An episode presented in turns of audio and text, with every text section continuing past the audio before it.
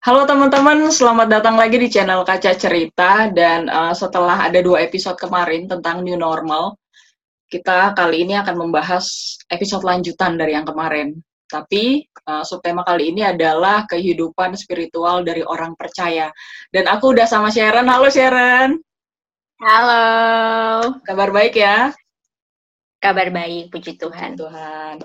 Nah Sharon, kita kemarin udah ngobrol sama narasumber-narasumber sebelumnya tentang mm -hmm. kehidupan orang percaya transisi uh, ke new normal gitu ya. Tapi kali ini kita mau bahas nih tentang kehidupan spiritualnya gitu ya. Jadi setelah ada perubahan dari kehidupan secara keseluruhan, tapi kita harus punya kan ke, transisi ke kehidupan spiritual.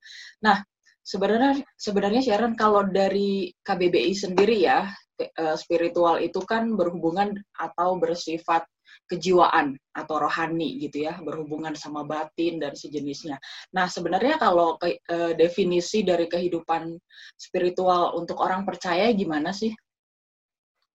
Iya, kalau uh, aku melihatnya pengertian dari kehidupan spiritual orang percaya itu adalah mengenai hubungan.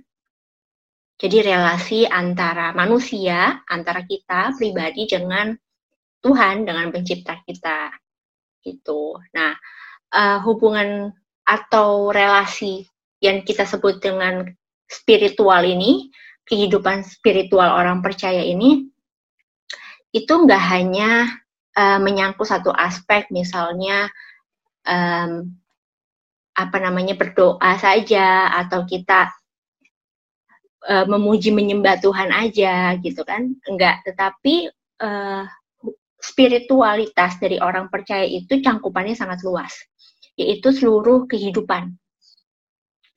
Jadi spiritualitas orang percaya itu adalah ya hubungan hidupnya dia dengan Tuhan. Jadi mencangkup seluruh aspek kehidupannya dia, baik dia dalam dia menjalankan kehidupan ibadahnya, dalam dia menjalankan kehidupan sosialnya, pekerjaannya. Nah, itu juga merupakan uh, cangkupan dari kehidupan spiritualitas dari orang percaya. Jadi uh, spiritual orang percaya itu nggak hanya berbicara mengenai uh, ibadah, mengenai berdoa, mengenai memuji dan menyembah Tuhan, tetapi mengenai semua hal yang kita punya dalam hidup kita, lalu kita kita uh, hubungkan dengan Tuhan. Nah, itu sih kalau kalau uh, saya melihatnya spiritualitas kehidupan orang percaya ya uh, kehidupan dia seluruhnya adalah uh, dihubungkan dan dan selalu memang berhubungan dengan Tuhan. Jadi tidak dikotak-kotakan oh antara kalau pekerjaan ini nggak ada kaitannya dengan Tuhan, ya kan terus kalau misalnya uh, urusan relasi dengan orang sesama manusia nggak ada kaitannya dengan Tuhan. Yang ada kaitannya dengan Tuhan hanyalah bagian ibadah, bagian berdoa dan sebagainya. Uh, nggak seperti itu.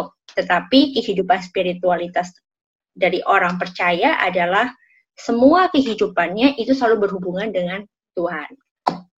Hmm, gitu.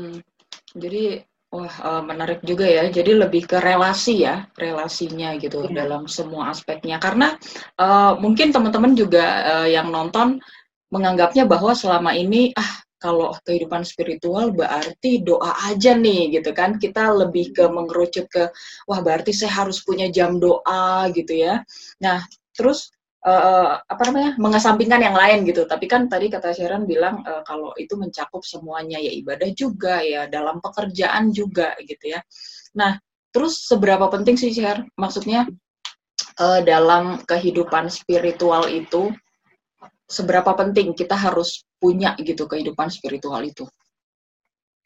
Ya sebagai orang percaya tentu uh, yang menjadi landasan kita menjalani kehidupan kita adalah spiritualitas kita. Karena kenapa? Kita harus tahu sebagai orang percaya, kita kan diciptakan, kita hidup, kita punya tujuan.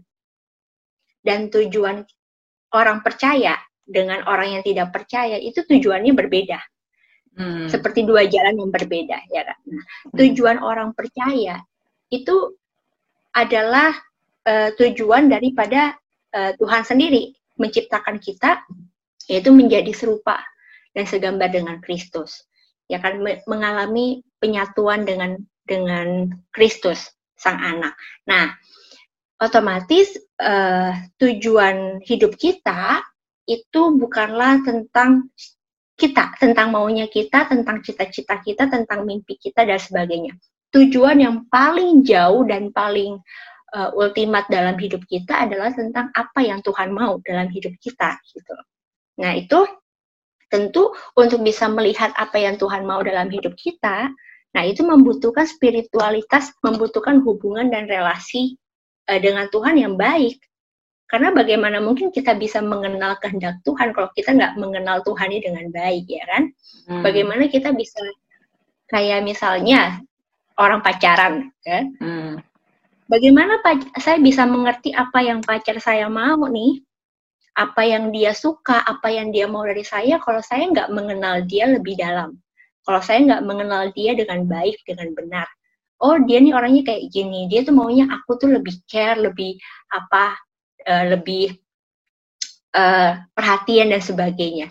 Saya nggak akan tahu maunya dia seperti apa kalau saya nggak mengenal dia dengan baik gitu. Nah sama seperti kita orang percaya yang punya tujuan hidup itu bukan lagi tentang kita, tetapi tujuan hidup kita adalah tentang apa yang Tuhan mau dalam dalam hidup kita gitu. Nah untuk bisa tahu itu ya tentu kita harus punya relasi yang baik dengan Tuhan, yang hmm. baik dan yang benar. Uh, saya selalu memegang tiga hal uh, di dalam uh, kehidupan perjalanan kehidupan saya bahwa kita harus punya ajaran yang benar. Hmm. Karena kalau kita punya ajaran yang benar, ajaran yang benar itu kan berkaitan dengan pengenalan kita akan Tuhan. Hmm. Pengenalan kita akan Tuhan yang benar, ajaran yang benar itu akan melahirkan cara ibadah kita yang benar. Hmm. Bagaimana kita hmm. menyembah Tuhan, beribadah kepada Tuhan menyembah di sini bukan bukan hanya dalam arti um, penyembahan layaknya kita di gereja ya kan kita beribadah nggak hanya begitu tapi menyembah dalam arti seluruh kehidupan kita ini kita kita jadikan sebagai penyembahan buat Tuhan. Nah, pengenalan yang benar akan Tuhan itu akan melahirkan penyembahan yang benar. Bagaimana kita memandang Tuhan itu akan melahirkan e, cara kita menyembah Tuhan yang benar. Nah, ajaran dan penyembahan yang benar itu akan melahirkan cara hidup yang benar. Dengan dengan kita punya cara hidup yang benar, otomatis arah jalan kita, arah alur hidup kita itu ya ya selaras dengan apa yang Tuhan mau gitu. Jadi eh, sangat penting. Spiritual dari kehidupan orang percaya sangat penting karena itu Eh, menjadi pendorong dan menjadi landasan ya. Kalau menurut saya landasan untuk kita bisa mencapai tujuan hidup kita yaitu apa yang Tuhan mau dari hidup kita. Hmm. gitu. Ya, berbeda jadi, dengan orang percaya. Hmm. Berarti uh, penting banget ya teman-teman harus diingat bahwa yaitu tadi uh, apa garis besarnya dari relasi itu akan uh, melahirkan kan pengenalan, pemahaman gitu ya yang baik dan benar gitu ya. Tadi ada tiga poin ya Sharon ya, uh, uh, yang kamu apa istilahnya uh, ini jalani gitu ya, ajaran yang benar, penyembahan yang benar dan cara hidupnya gitu akan melahirkan ya. cara hidup yang benar. Nah dari tadi udah disinggung tuh uh, ada uh, cara yang baik dan benar. Nah, seperti apa sih sebenarnya kehidupan spiritual orang Kristen gitu yang uh, yang baik dan benar? Ini sangat menarik sekaligus sangat uh, menurut saya melukai secara daging ya, melukai secara daging. iya, iya. Karena gini, uh, kita di dunia ini, dunia ini selalu diwarnai dengan dua tipe orang. Hmm. Orang yang tidak percaya dengan orang yang percaya atau istilahnya orang yang hmm, hmm. mengenal Tuhan dengan yang tidak mengenal Tuhan ya kan? Nah tentu orang yang mengenal Tuhan alur hidupnya cara pandangnya dia tujuan hidupnya itu semua bergantung kepada dirinya sendiri. Aku mau jadi A ya kan? Caraku adalah A B C D gitu. Jadi semua tentang dirinya sendiri tetapi berbeda. Yang menarik dari kehidupan orang percaya adalah dia hidup bukan untuk tujuannya dia sendiri, melainkan untuk tujuan Allah dalam hidup dia. Nah, hal ini membuat orang Kristen itu atau orang percaya dituntut untuk melihat atau memiliki cara pandang yang terbalik dengan cara pandang dunia. Jadi kalau misalnya uh, di dalam cara pandang dunia, orang dunia melihat aku hidup untuk diriku sendiri. Tapi orang percaya melihat aku hidup untuk Allah. Nah, ini kan sesuatu yang terbalik. Jadi kita uh, orang percaya itu hidup di dalam dunia yang sangat self-center. Semua hal dilakukan untuk uh, mencapai uh, untuk dirinya sendiri, gitu.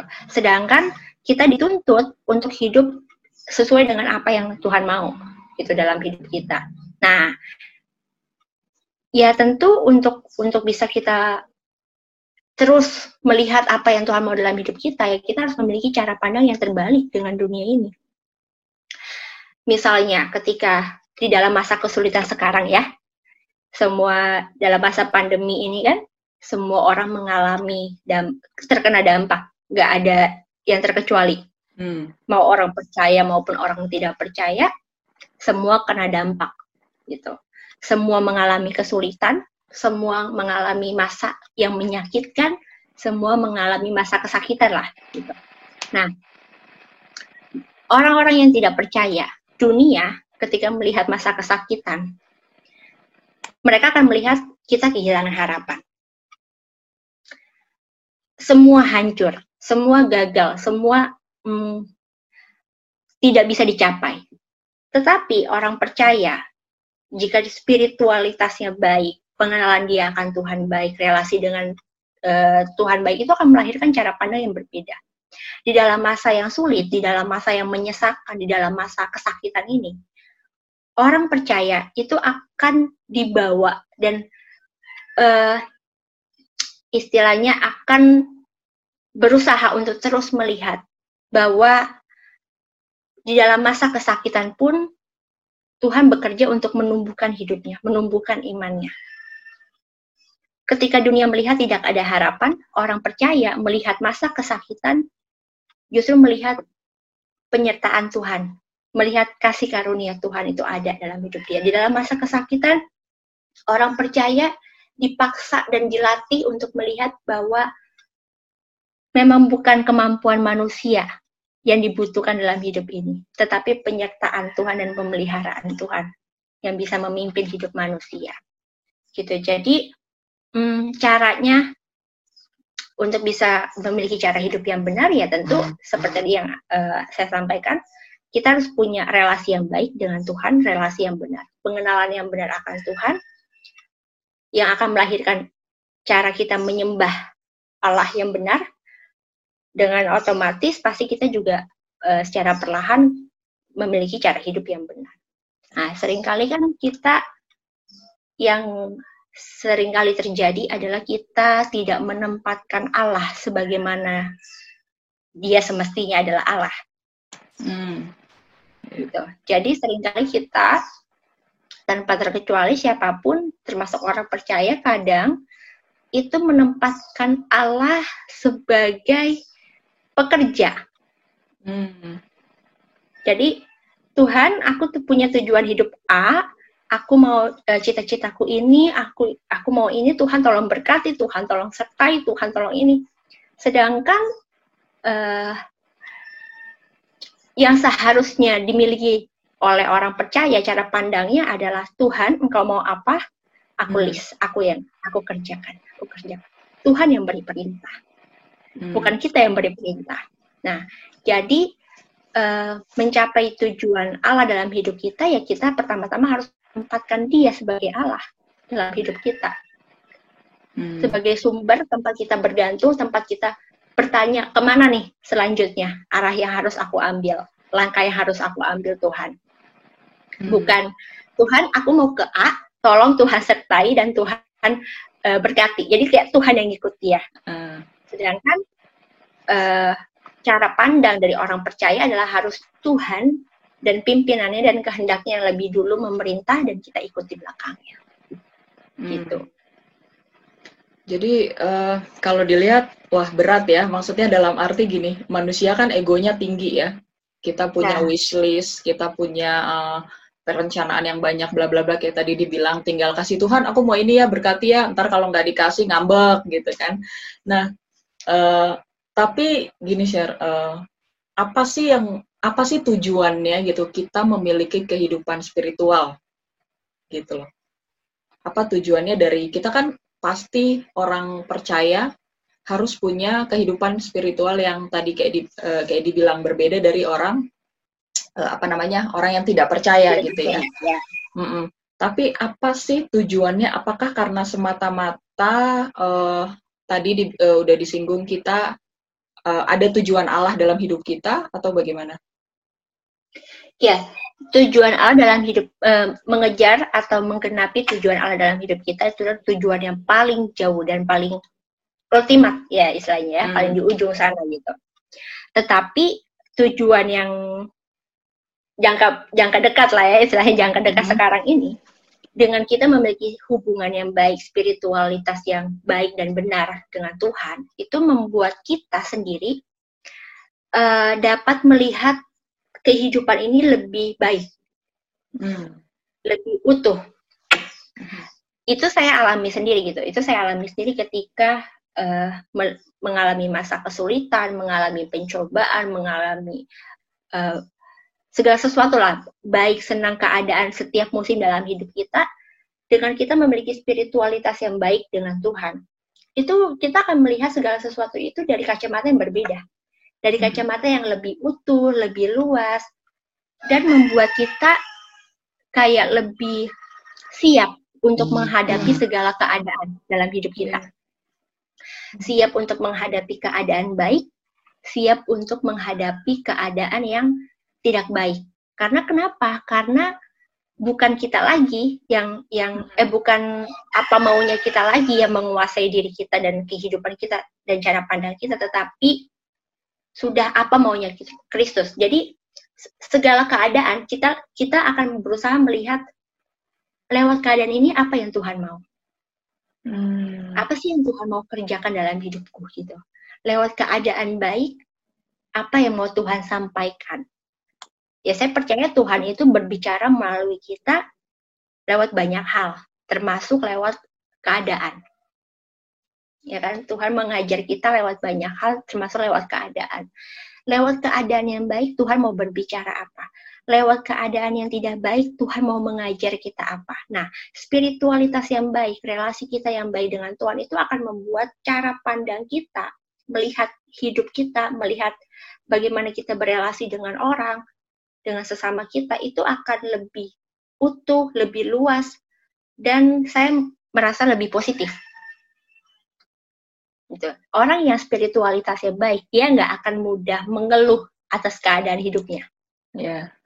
Karena kenapa? Karena setiap keadaan yang datang dalam hidup dia, dia melihat bahwa ini Tuhan sedang bekerja, Tuhan sedang ingin menyatakan sesuatu, Tuhan sedang ingin mendidik, Tuhan sedang ingin menyampaikan sesuatu untuk saya gitu.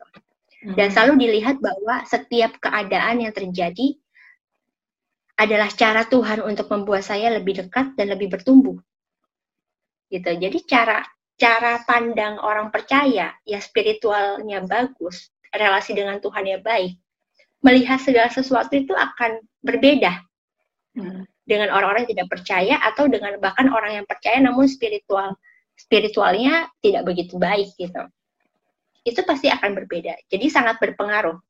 Hmm. Bagaimana hubungan kita, bagaimana kita mengenal Tuhan, itu mempengaruhi bagaimana kita menjalani kehidupan kita, bagaimana kita berelasi dengan orang, bagaimana kita menghadapi segala kehidupan, segala uh, masa di dalam kehidupan kita. Itu tujuannya.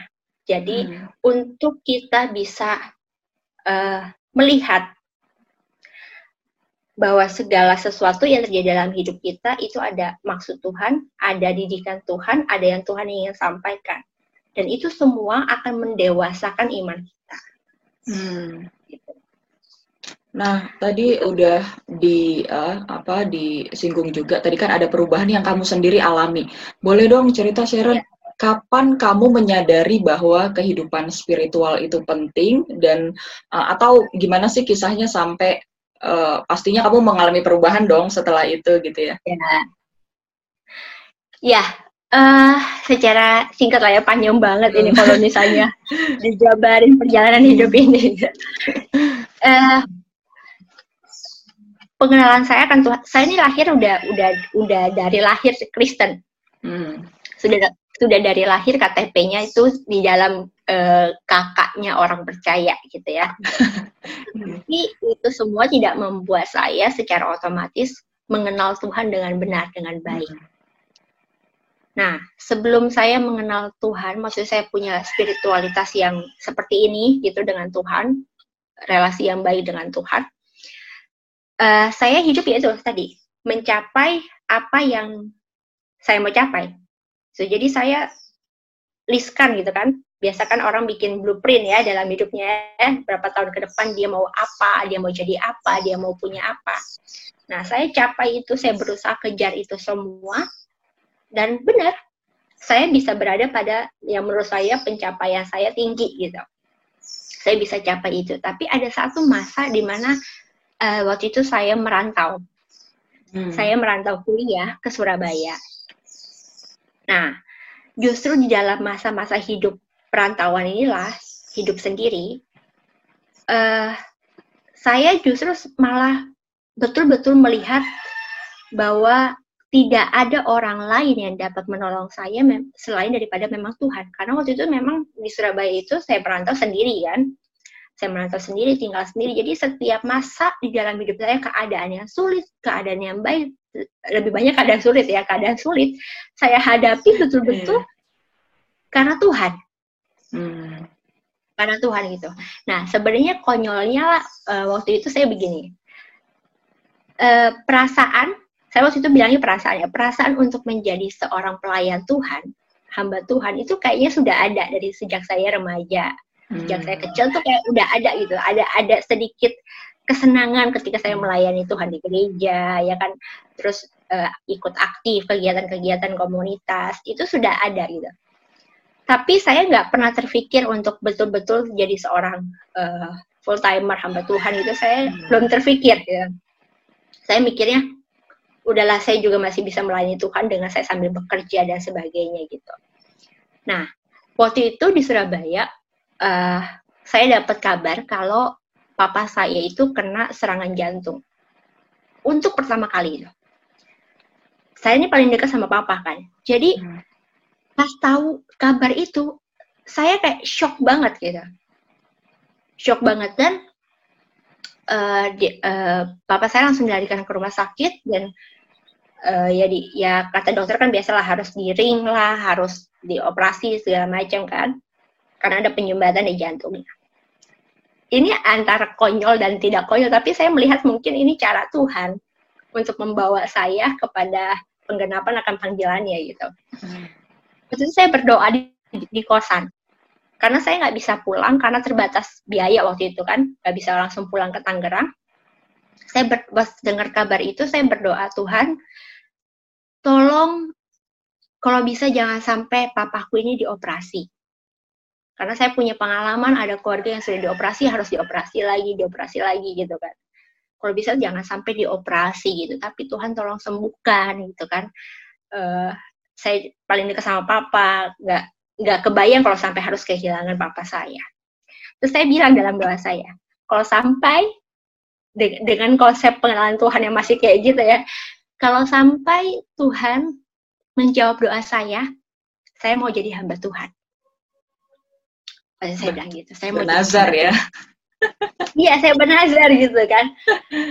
Waktu itu nggak ada pikir panjang pokoknya doa begitu aja. Tiba-tiba tercetus saja saya mau jadi hamba Tuhan.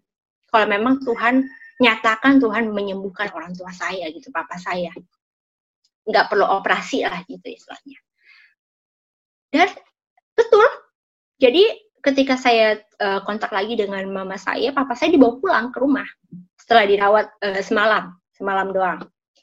Saya tanya kenapa dibawa pulang? Gitu kan. Kenapa nggak opnam aja nggak dirawat uh, pertama yang hari pertama karena dokternya nggak ada percuma. Ya kan tapi tetap akhirnya ya udahlah karena butuh infus dan segala macam tetap di opnam nah yang hari kedua dokternya datang pas dicek cek cek cek segala macam dokternya bilang ini masih bapak nggak perlu dioperasi. Cukup minum obat aja dan treatment latihan. Gitu karena papa saya kan juga uh, waktu itu berat badannya over banget kan jadi dia harus kurusin gitu harus kurusin supaya nggak gampang sesak nah cuman itu jadi betul-betul nggak nggak dioperasi dan uh, papa saya waktu itu kan pakai BPJS ya. Biasanya kalau kita mau ke dokter itu pakai BPJS kan harus rujuk sana rujuk sini yeah. ya kan? Mm-hmm. dan nunggu segala macam. Itu betul-betul dimudahkan.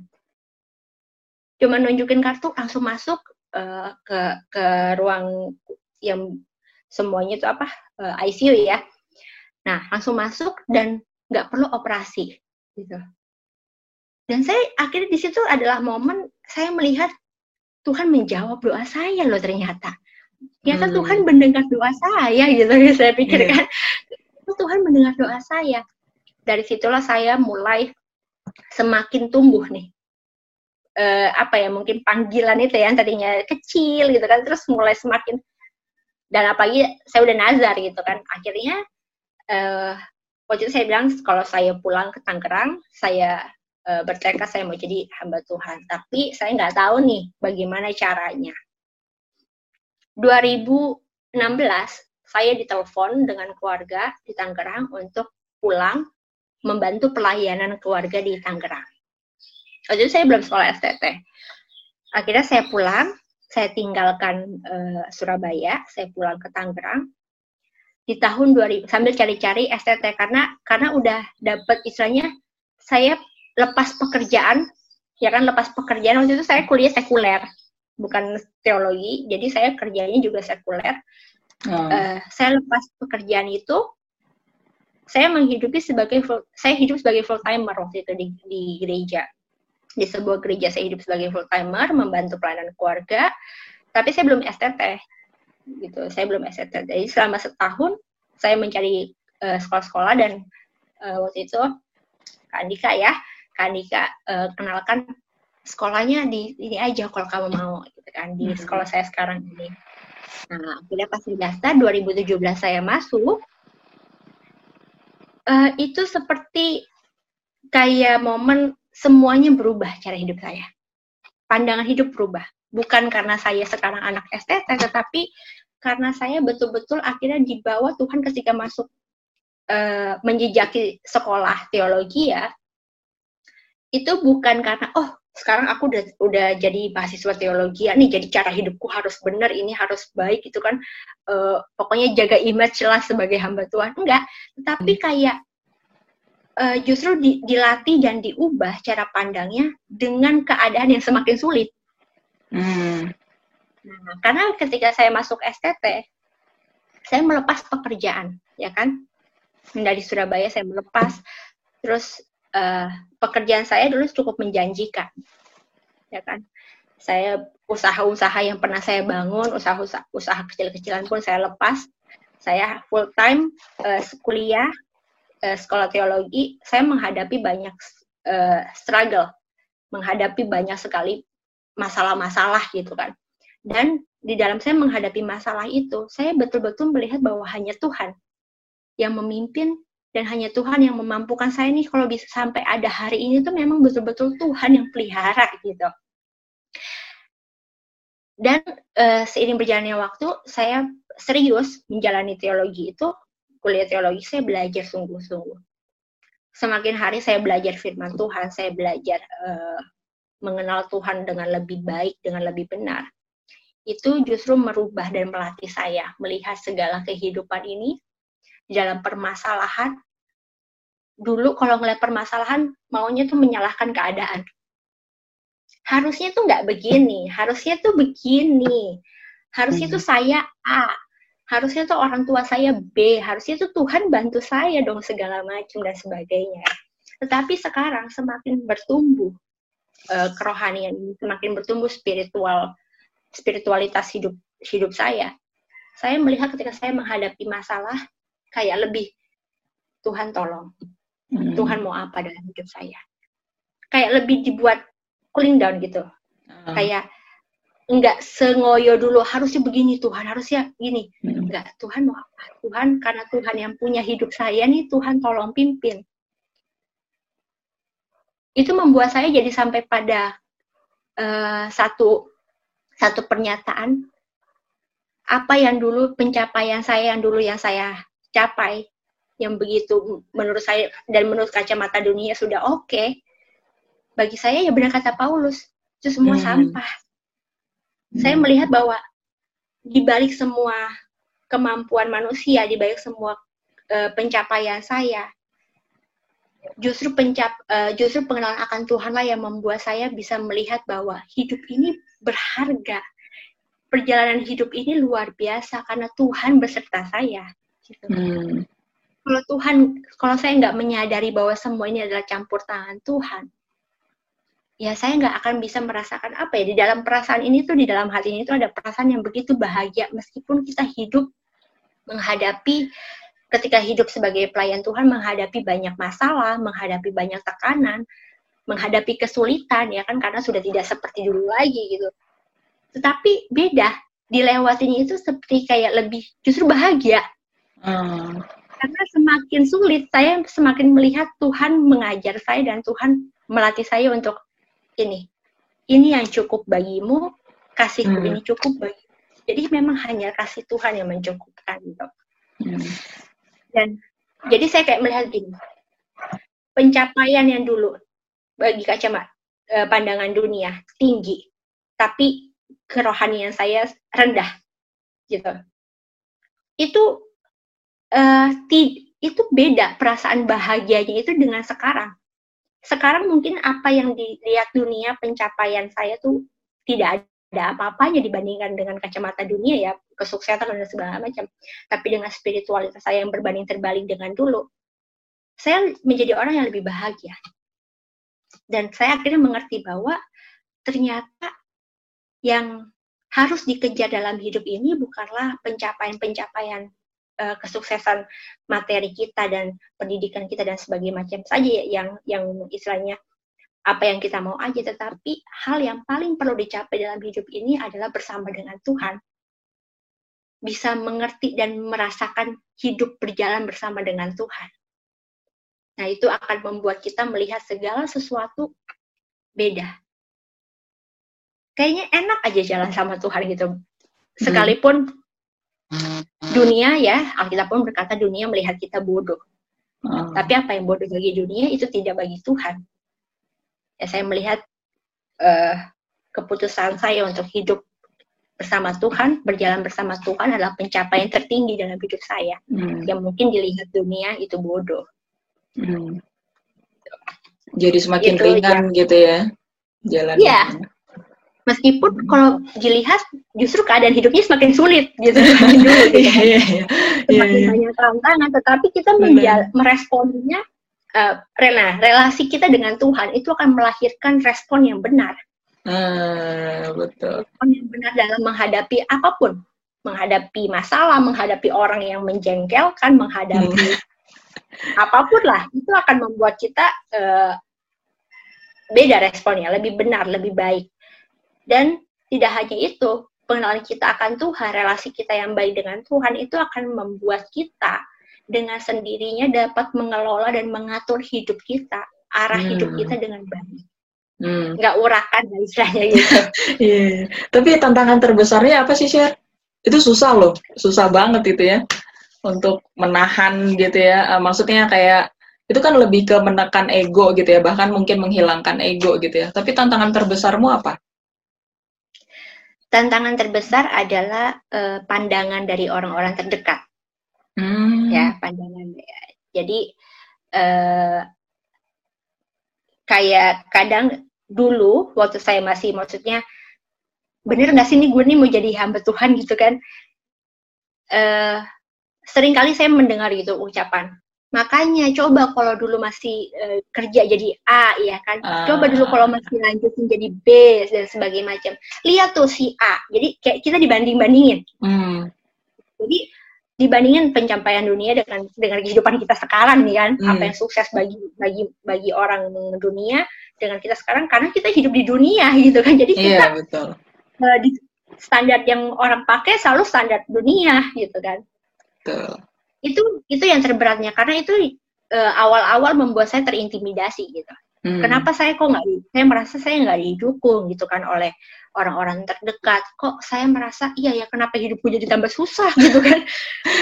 Tapi yeah. uh, saya belajar untuk bertahan dan melihat bahwa ya memang ini hal yang harus dihadapi. Ini sudah komitmen saya harus dihadapi dan justru semakin semakin saya bertahan sekalipun keadaan makin sulit saya melihat justru Tuhan menyertai hmm. Tuhan menyertai jadi kayak kayak gini kayak kita ada masalah jadi kayak orang mungkin melihat kita kayaknya lu fine fine aja hidupnya uh. ya ah. kayaknya kamu tuh enak-enak aja padahal ya kalau mau dilihat ya namanya manusia hidup selalu ada masalah yeah, ya betul. hidup selalu ada tantangan bahkan saya menghadapi masalah yang begitu berat ya kan benturan dengan orang lain gitu saya bisa meresponi dengan begitu baik berbeda dengan karakter saya yang dulu dan hmm. itu saya rasakan ketika saya betul-betul membangun hubungan saya, membangun spiritual saya, membangun relasi saya dengan Tuhan mulai benar gitu. Hmm. Cara pandang itu berubah. Kita percaya tidak percaya memang Roh Kudus itu bekerja melembutkan kita, menginsafkan kita supaya apa yang kita pikirkan, kita ucapkan, kita lakukan, bahkan yang kita mau itu semakin dibawa selaras dengan apa yang Tuhan mau gitu, apa yang jadi kehendak Tuhan.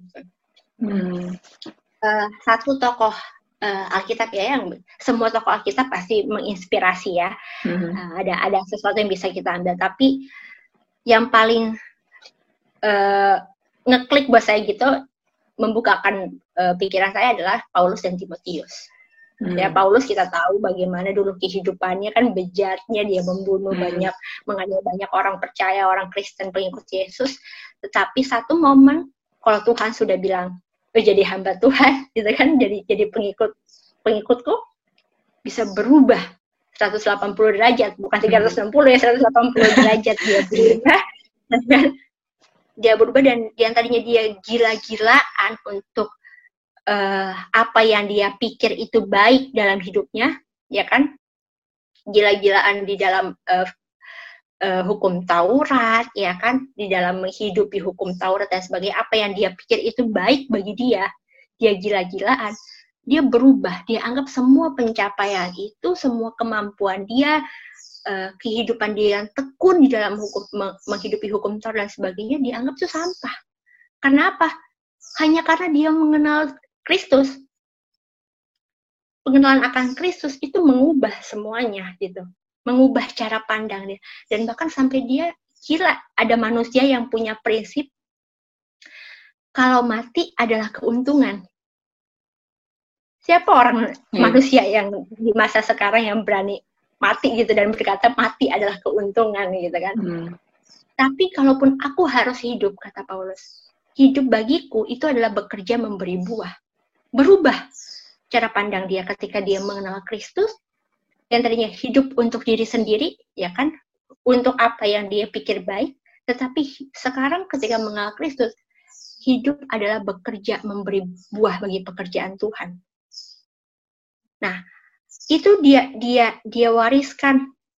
Ada satu prinsip yang uh, prinsip dia yang sampai sekarang uh, saya begitu imani gitu kan begitu hidupi yaitu di dalam Kolose 3 ayat 11b Kristus adalah semua dari dalam segala sesuatu. Jadi menempatkan Tuhan sebagai Tuhan, sebagaimana adanya Tuhan gitu, sebagai Dia adalah Tuhan. Itu bukan hanya ketika ibadah, ketika berdoa, ketika kita butuh sesuatu tidak, tetapi menempatkan Tuhan sebagai Tuhan adalah Dia ada di segala uh, aspek kehidupan kita, di dalam pekerjaan kita, Kristus di dalamnya. Kita melakukan untuk Kristus. Di dalam hubungan kita dengan pasangan, Kristus harus di dalamnya. Bersama pasangan mencapai tujuan Kristus. Di dalam keluarga, Kristus di dalamnya. Jadi Kristus itu adalah semuanya. Dan di dalam segala sesuatu.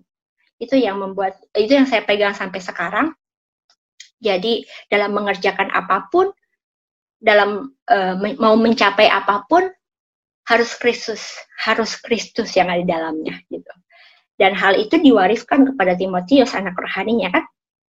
Kepada Timotius dan Paulus katakan bahwa Timotius adalah orang yang berbeda dari orang yang hidup di zaman pada waktu itu. Di zaman pada waktu itu dikatakan di 2 Timotius 3 uh, eh, dikatakan bahwa uh, inilah contoh manusia pada zaman akhir. Ya kan yang hidupnya bobrok ya kan kelihatannya rohani tapi tidak menghidupinya dan sebagai macam uh, jenisnya lah begitu rusak manusia.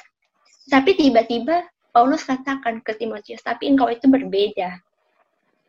Kenapa? Karena engkau mengikuti caraku, teladan hidupku, imanku, pendirianku. Hmm. Jadi memang spiritualitas orang percaya akan selalu membawa kita, orang percaya, memiliki kehidupan dan cara pandang yang terbalik dengan cara pandang dunia. Itu Aduh, luar biasa ya dengar ceritanya tuh aku kayak berkaca sendiri nih gitu karena mirip-mirip kisahnya gitu. Jadi aduh keren banget. Jadi emang kehidupan spiritual itu uh, apa? Kalau aku mikirnya gini, uh, apa, tadi kan ada tantangannya tuh ya. Ini juga aku alami pribadi. Jadi uh, aku selalu beranggapan ilustrasinya begini, ketika kita sakit ketika kita uh, misalkan lagi diobatin tangan luka gitu ya waktu kita ngebrontak itu malah lebih sakit jadi yeah. mendingan iya. kita udah diem aja deh biar uh, dokternya gitu yang uh, gimana caranya untuk menyembuhkan gitu nah ini keren banget Sharon uh, tapi kamu punya nggak pesan untuk teman-teman kita nih tentang uh, mungkin mereka lagi ah masa sih kehidupan spiritual itu ternyata penting ya gitu ya atau aduh saya udah mulai transisi nih tapi kayaknya susah sih gimana ya saya kadang mau nyerah juga gitu ada nggak sih pesan-pesan buat teman kita? Iya, uh, yang bisa aku sampaikan sih seperti seperti ini sih buat teman-teman mungkin nanti yang melihat ya. Uh, sering kali kita salah pandangan begini, ikut Tuhan, men menjalani kehendak Tuhan itu enak. Hmm. ya kan secara daging menggembirakan oh pasti dapat berkat Tuhan dan segala macam ya kan hidup berkelegahan itu bisa saja terjadi Tuhan bisa saja memberikan itu semua gitu. Tetapi esensi mengikut Tuhan justru akan menghadapkan kita pada kenyataan bahwa kehidupan ke depan itu akan menjadi tidak lebih mudah daripada kehidupan hari ini. Justru kehidupan ke depan akan menjadi lebih sulit. Karena kenapa? semakin kita dibawa dekat dengan Tuhan, semakin kita dibawa kepada kehendak Tuhan, semakin kita dibuat berbeda dengan dunia dengan dunia ini dan itu menyakitkan kita loh. Hmm. Yeah. Karena kita akan jadi seperti orang aneh sendiri di dunia ini hmm. gitu kan. Yang lainnya punya pandangan yang berbeda dengan kita dan itu menyakitkan. Itu untuk kita. Tapi satu hal yang bisa saya sampaikan bahwa itulah memang esensi dari mengikut Tuhan pikul salib. Dan yang kita teladani adalah inkarnasi Kristus. Bagaimana Kristus, uh, Tuhan Allah turun ke dunia dalam uh, manusia Kristus, dia menderita.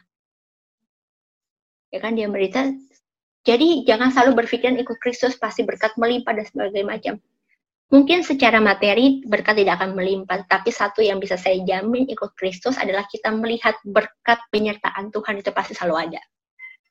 Itu janji Tuhan pemeliharaan buat kita. Jadi uh, pesan saya selalu tanamkan prinsip Kristus haruslah semua dan dalam segala sesuatu. Hmm. Dan mulailah melihat bahwa kehendak Tuhan, kedaulatannya Allah itu pasti akan memang selalu menarik kita untuk keluar dari zona nyaman hidup kita. Hmm. Dan itu menyakitkan kita, tapi itu menumbuhkan kita. Gitu itu yang bisa ya sampaikan keren banget ya. Jadi biar nggak kaget nih teman-teman ya aduh kok saya ikut Tuhan kok malah gini gitu ya kan sering ya, tuh. benar.